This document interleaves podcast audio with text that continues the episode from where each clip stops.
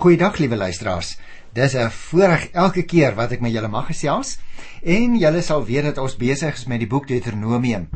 Ons kan dit miskien vergelyk met 'n bus wat op 'n rondroete is. En nou is daar verskillende bushaltes en 'n mens kan op enige van die bushaltes opklim. As jy ry en aanhou saamry met die bus, dan kom jy weer waar jy opgeklim het. Dit beteken dus vir nuwe luisteraars, uh julle is nie noodwendig laat nie, julle kan maar net vandag opklim ry saam in die bus. Dit gaan nog so 4, 5 jaar neem seker om deur te werk van Genesis tot Openbaring as die Here ons spaar. En dan kan 'n mens maar net weer voorbegin ry as jy wil. Die boek Deuteronomium wat ek al vir julle vertel is eintlik 'n baie interessante boek want anders as wat mense soms dink dat dit 'n boek is wat deur Moses geskryf is, is dit eintlik 'n boek oor Moses. Want jy sien dit is soos die boek hom eintlik aanbied. Hier is 'n skrywer tussen hakies wat onbekend is aan ons wat verskillende van die Moseswoorde bekendstel en dan verbind hy dit aan mekaar deur historiese en ander opmerkings. Daarom het ek gesê Deuteronomium is nie so seer 'n boek deur Moses nie, maar 'n boek oor Moses. En daarom is daar ook verskillende gedeeltes waar die skrywer oor Moses praat. Naas die gedeeltes waar hy dan vir Moses self aan die woord stel. Die skrywer het egter op 'n baie kunstige manier gedoen. Voor elke uitspraak is daar 'n inleiding waarin hy sekere besonderhede met 'n sterk historiese inslag bekendstel. En na elkeen van daardie toesprake volg daar dan eintlik 'n aanhangsel weer met historiese of soms ook geografiese besonderhede en op hierdie manier omraam hy as dit ware elkeen van die toesprake met verskillende gegevens. Ek het ook vir julle gesê daar kom verskillende temas of aspekte aan die orde in die boek Deuteronomium. Ek gaan dit nou nie bespreek nie, ek wil dit miskien net vir nuwe luisteraars noem. Daar is eerstens natuurlik die boodskap oor die verbond. En ek dink dit is die belangrikste. 'n Tweede tema of boodskap wat deurentyd ingevleg word, is die baie groot aksent wat gelê word ten opsigte van die land wat die Here aan sy volk gee. 'n Derde belangrike tema is dat daar dikwels gepraat word oor die wese van God. Ons leer die Here ken op 'n baie besondere manier. Sonder dat dit ingewikkeld is leer ons veral die heiligheid van die Here die almagtige Here die enigste Here op 'n baie baie besondere manier ken. En die vierde groot tema wat soos 'n goue draad ingevleg is en deurloop deur die hele boek is juis die tekening van die uniekheid van God wanneer hy sy volk oproep tot gehoorsaamheid En dit is dan ook as ons eh, hier by die 7de hoofstuk kom waaroor ek vandag gaan praat, dat 'n mens in gedagte hou dat die Here hier duidelik sê ek is die Here, ek is by jou, maar natuurlik dit vra gehoorsaamheid en daarom moet die volk die Here nooit vergeet nie. Die samestelling van die boek uh, is ook baie interessant. Dit val uit 1 en 5 hoofdele. Die eerste gedeelte handel oor wat God vir ons gedoen het en ook nog sal doen hoofstuk 1 tot aan die einde van 11 en dan die tweede groot deel is beginsels van 'n heilige lewe. Mens kry dit van hoofstuk 12 af tot aan die einde amper van die 26ste hoofstuk. Dit is dus 'n baie lang gedeelte. En dan die derde groot gedeelte handel oor die nuwe lewe hoofstuk 27 tot by hoofstuk 30 en dan die laaste kort gedeelte hoofstuk 31 tot aan die einde van 34 vers 12 waar ons twee vaste getuies vir die nuwe lewe kry. Maar kom ons gaan nou voort met die sewende hoofstuk en dit is dus die laaste afdeling van hierdie groot gedeelte wat handel oor wat God vir ons gedoen het en nog sal doen. Die opskrif in die Afrikaanse teks is die Here het jou lief en hy is by jou. Vers 1 sê: Die Here jou God sal jou bring in die land waarin jy op pad is en wat jy in besit sal neem. Hy sal baie nasies voor jou uitverdryf. Hittite, Gergasiete, Amorite, nou word sommer so 'n hele klomp van hierdie volkere genoem, die een na die ander. Nou, miskien moet ek 'n algemene opmerking maak, want ek dink dat ons hier van hoofstuk 7 af belangrike inligting kry en dit loop eintlik deur in 'n sekere sin tot aan die einde van die 11de hoofstuk. En daarom is dit goed dink ek dat ons net so 'n bietjie uh met mekaar gesels waaroor dit gaan want dit is eintlik 'n vooruitsig wat gegee word oor die woestyn tog. En ons gaan verskillende lesse ook in hierdie klompie hoofstukke leer. Nou in sy preek hier in die 7de hoofstuk slaan Moses nou oor van die verlede na die hede, maar dan ook na die toekoms toe.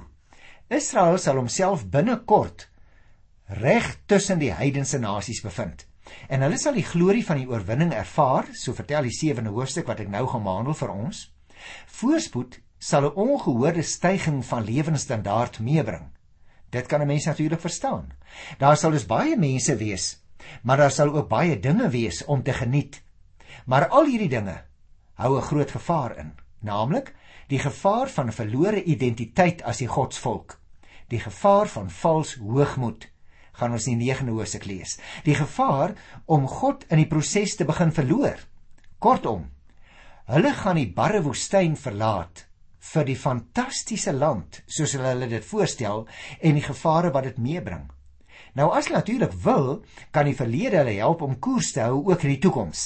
En dit moet jy en ek ook altyd onthou, liewe luisteraar.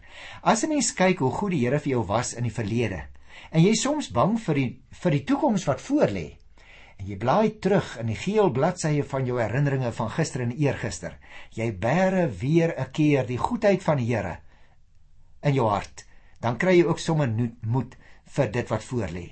En eh, daardie faset dink ek moet ons ook baie duidelik raak sien hier van die 7de hoofstuk af. En daarom merk mense op dat Moses ook die mense aanmoedig op verskillende gedeeltes hier van hoofstuk 7 af. Byvoorbeeld, moenie vergeet nie. Onthou Egipte, daar hier in die 18de vers. Onthou die woestyn, hoofstuk 8 vers 2. Onthou wie julle is en wie julle werklik was as slawe. Hoofstuk 9 vers 7. Onthou God se verbondstrou, onthou sy mag, sy voorsiening, sy wette, onthou sy oordeele en laat al die dinge julle nederig maak, gelowig, gehoorsaam aan die Here. Dit gaan ons veral in Hoofstuk 10 en 11 kry. Jy sien liewe luisteraar in 'n vooruitblik word daar sekere lesse aan hierdie mense voorgehou met die oog op die Israeliete se verblyf en deurtog deur die Wes-Jordaan streek. Besondere klem word juis op die vervulling van die landsbelofte gelê. Deur gaan stel mense dit weer op. Die besetting van die land hang egter saam met die verhouding tussen Israel aan die een kant en God aan die ander kant. Wat dus wil sê die volk moet dit wat die Here vir hulle gee bewyse van gebooie en opdragte dit moet hulle nakom. Hulle is op pad om die beloofde land te gaan verower en moet aan hierdie proses deurgangs bewus bly van wie die Here werklik is. Wat hy vir hulle gedoen het, wat hy vir hulle beteken het in die verlede. En daarom twee groepe temas vermaan as dit ware die volk tot gehoorsaamheid, naamlik aan die een kant onthou of vergeet. 'n Ander tema, die woestyn en die goeie land. En daarom staan twee sake deurgangs uit. Aan die een kant gehoorsaamheid word van Israel verwag, terwyl aan die ander kant God sy liefde en sy trou deurgangs aan hulle beloof. En daarom merk ons dit op juis hier in die eerste vers. Die Here jou God sal jou bring in die land waarheen jy op pad is en wat jy in besit sal neem. Jy sien, die land waarheen hulle op pad was, liewe luisteraar, om in besit te neem, word beskrywe deur die verskillende nasies wat hier in hoofstuk 1 by die eerste vers genoem word en wat destyds natuurlik aan Kanaan gewoon het. Daarom word hulle nou hier een na die ander opgenoem. Dit was naamlik sewe stadstate wat bestaan het uit elkeen 'n versterkte stad met 'n kleinerige grondgebied daar rondom. En die sewe nasies waarvan ons nou lees hier, mens kan miskien ook selfs praat van die sewe volke of dalk ook van die sewe groepe wat ons hier kry in Hosea 7 by die eerste vers, moet ons onthou, hulle het wat Israel betref die vyand uitgemaak. Dit is die mense teen wie Israel moet gaan veg en hulle was groter en sterker as hulle, sê die eerste vers. Maar die tweede vers staan dan: Wanneer die Here jou God hierdie sewe nasies wat groter en sterker as jy is in jou mag oorgee en jy hulle verslaan, moet jy hulle om die lewe bring as banoffer aan die Here jou God. Jy mag hulle nie jammer kry nie en jy mag nie 'n verbond met hulle sluit nie. Jy sien, die belofte word gegee dat die Here hulle in Israel se mag sal oorgee sodat hulle verslaan sal word. Nou luister as hierdie oorwinning moet egter end uitgevoer word deur hulle om die lewe te bring as banoffer aan die Here hulle God. Israel mag nie die nasies jammer kry en 'n verbond met hulle sluit nie. Nou moet ons natuurlik dadelik onthou, die verbond waarvan hier melding gemaak word, dui op 'n gelykwaardige verbond tussen gelyke groepe. Dit is dus anders as die verbond tussen die Here en sy volk waar hy as die verbondsmaker optree en die volk net maar die begunstigdes is. Jy sien, die Here het die Israeliete beveel om hulle vyande geheel en al met die banvloek uit te wis. Vir jou en vir my is dit natuurlik vreemd in die tyd waarin ons lewe. Hoe kan 'n God van liefde en genade dan beveel om soveel mense onder wie selfs kinders dat hulle uitgewis moet word? Hy is liefdevol en genadig. Ja, maar hy is ook die God van geregtigheid.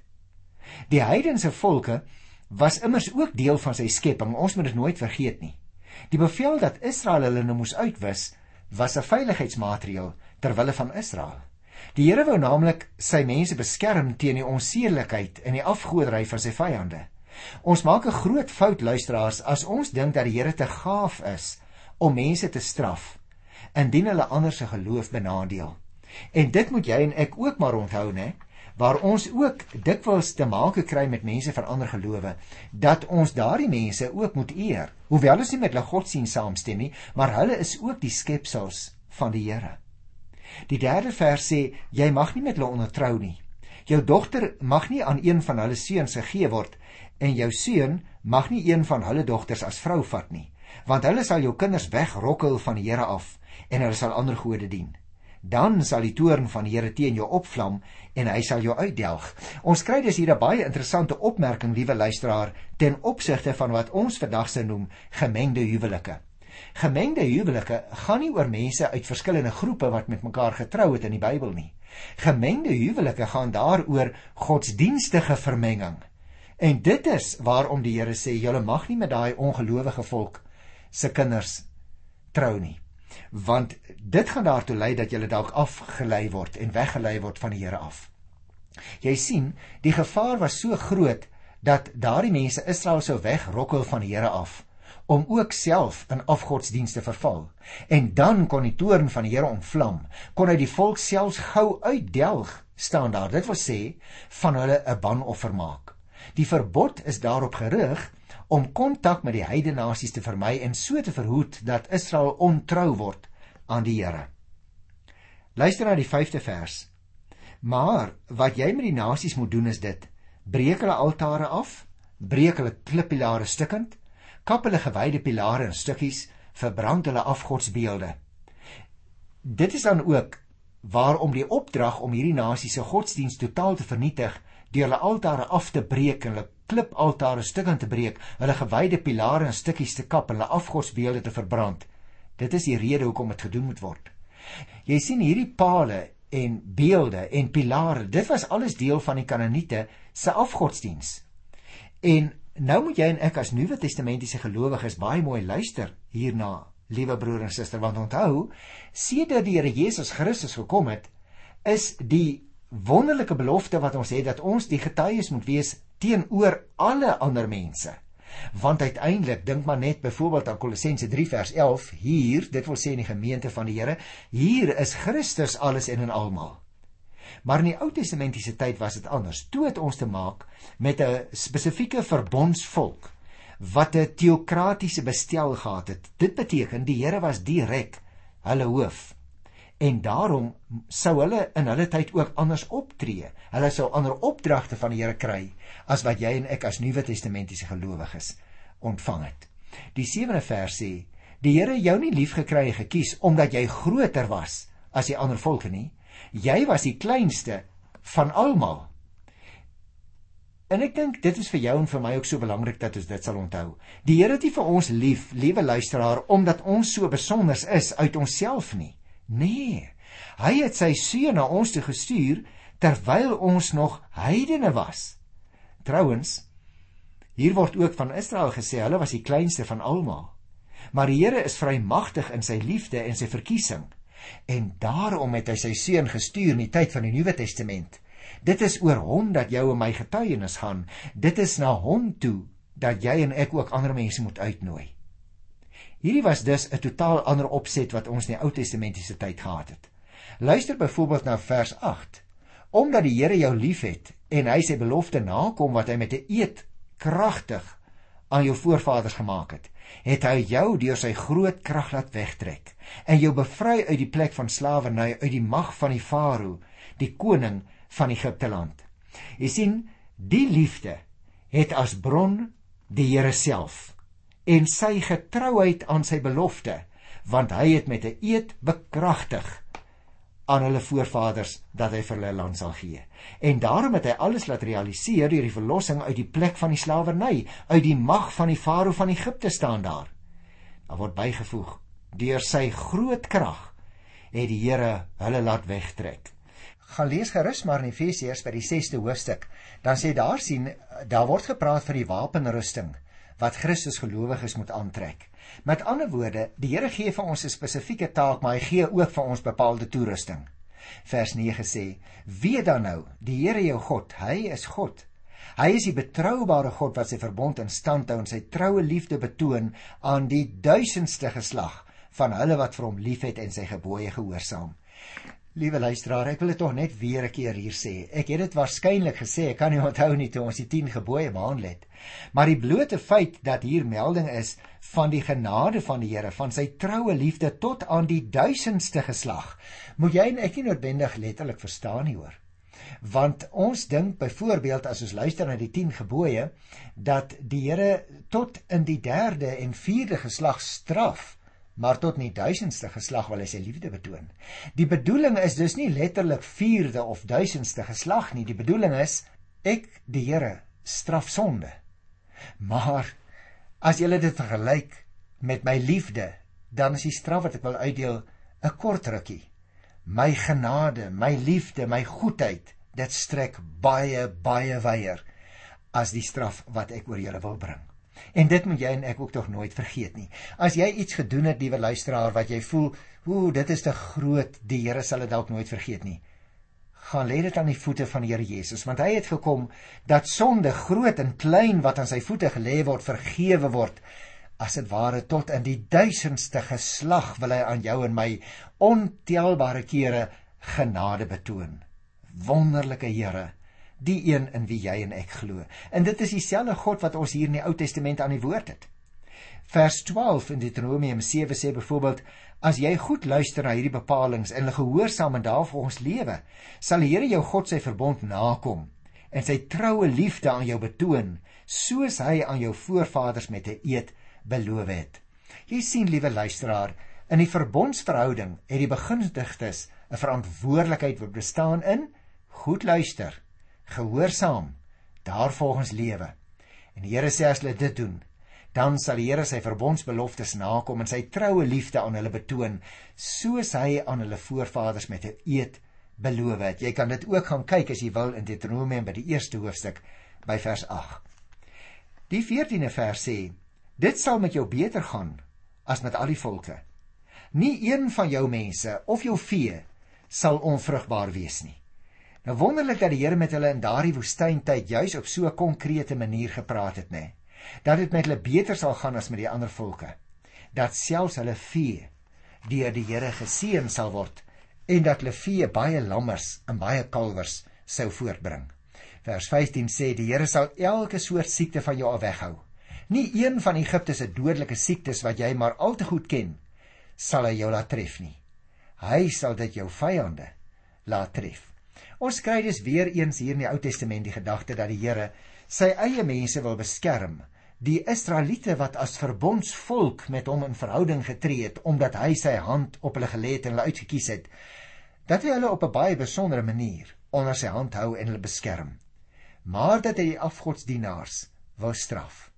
Vers 16 sê jy moet al die volke wat die Here jou God in jou mag oorgegee word uitroei. Moenie een van hulle spaar nie. Moenie hulle gode dien nie hulle is valstrikke vir jou Interessant dat dit so uitgespel moet word, né?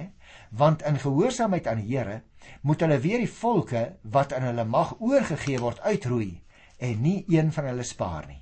Die verdere opdrag is terselfdertyd die motivering, luister, Israel mag nie hulle gode dien nie, want hulle is valstrikke vir die volk. En daarom moet jy en ek ook, liewe luisteraar, versigtig wees dat ons nie met die een voet in die struik trap en met die hand aan die Here wil vashou nie. Ons moet onvoorwaardelik met al twee hande stewig aan die Here ons God vashou. Luister na vers 17. Jy kan dalk dink hierdie nasies is sterker as ek. Hoe sal ek hulle kan verdryf? Is my wonderlik nê. Nee.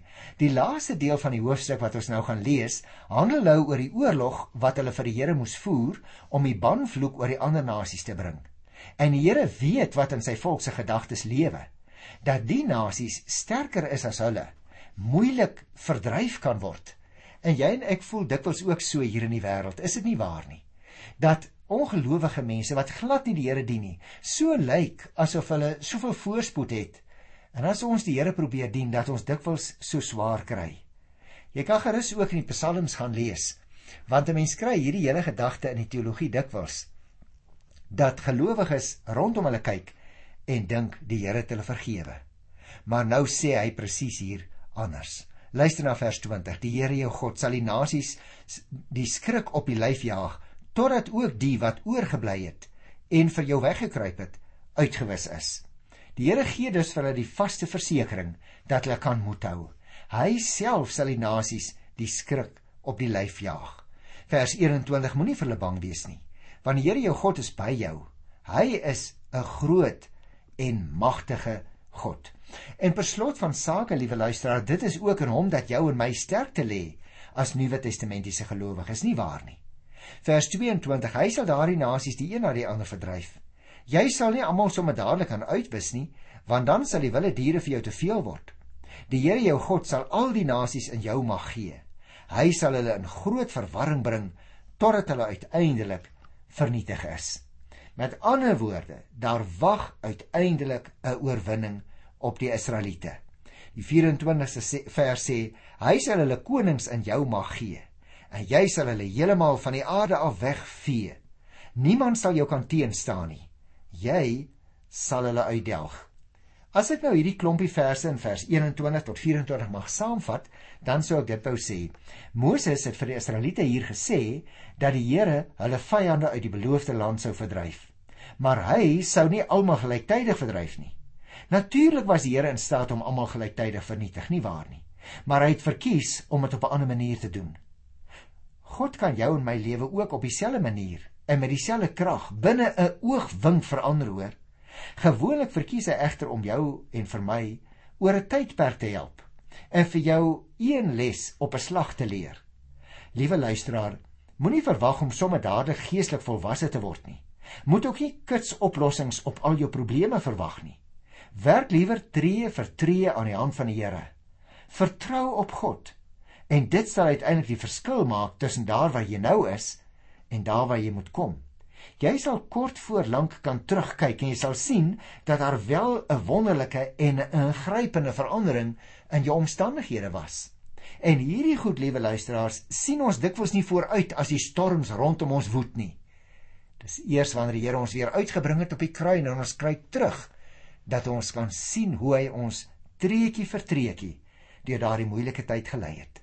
En daarom wil ek afsluit met Deuteronomium Hier by vers 25 en 26 lees ons die volgende woorde: Jy moet hulle afgodsbeelde verbrand. Moenie die silwer en goud wat aan die beelde is begeer en vir jou vat nie. Jy kan daardeur in 'n valstrik trap. Die afgodsbeelde is afskuwelike goed in die oë van die Here jou God. Moenie so iets afskuweliks in jou huis inbring nie, want dan is jy gedoem om vernietig te word. Jy moet dit verafskuw en as afskuwelik beskou. Dit moet vernietig word. En daarom, liewe luisteraar, dink ek roep hierdie sewende hoofstuk vir jou vir my opnuut op ook as Nuwe Testamentiese gelowiges dat ons moet onthou die Here het ons lief en hy is by ons. Ons het regtig niemand anders nodig as dit by afgode, ander magte, ander kragte kom nie. Werp jou op die Here. Rus in sy vrede. Hy sal jou deurdra met sy sterk arm. Loof Loof die Here ons God. Halleluja. Ek groet jou dan op hierdie positiewe sterkpunt van Deuteronomium 7 tot volgende keer so die Here wil. Tot dan. Totsiens.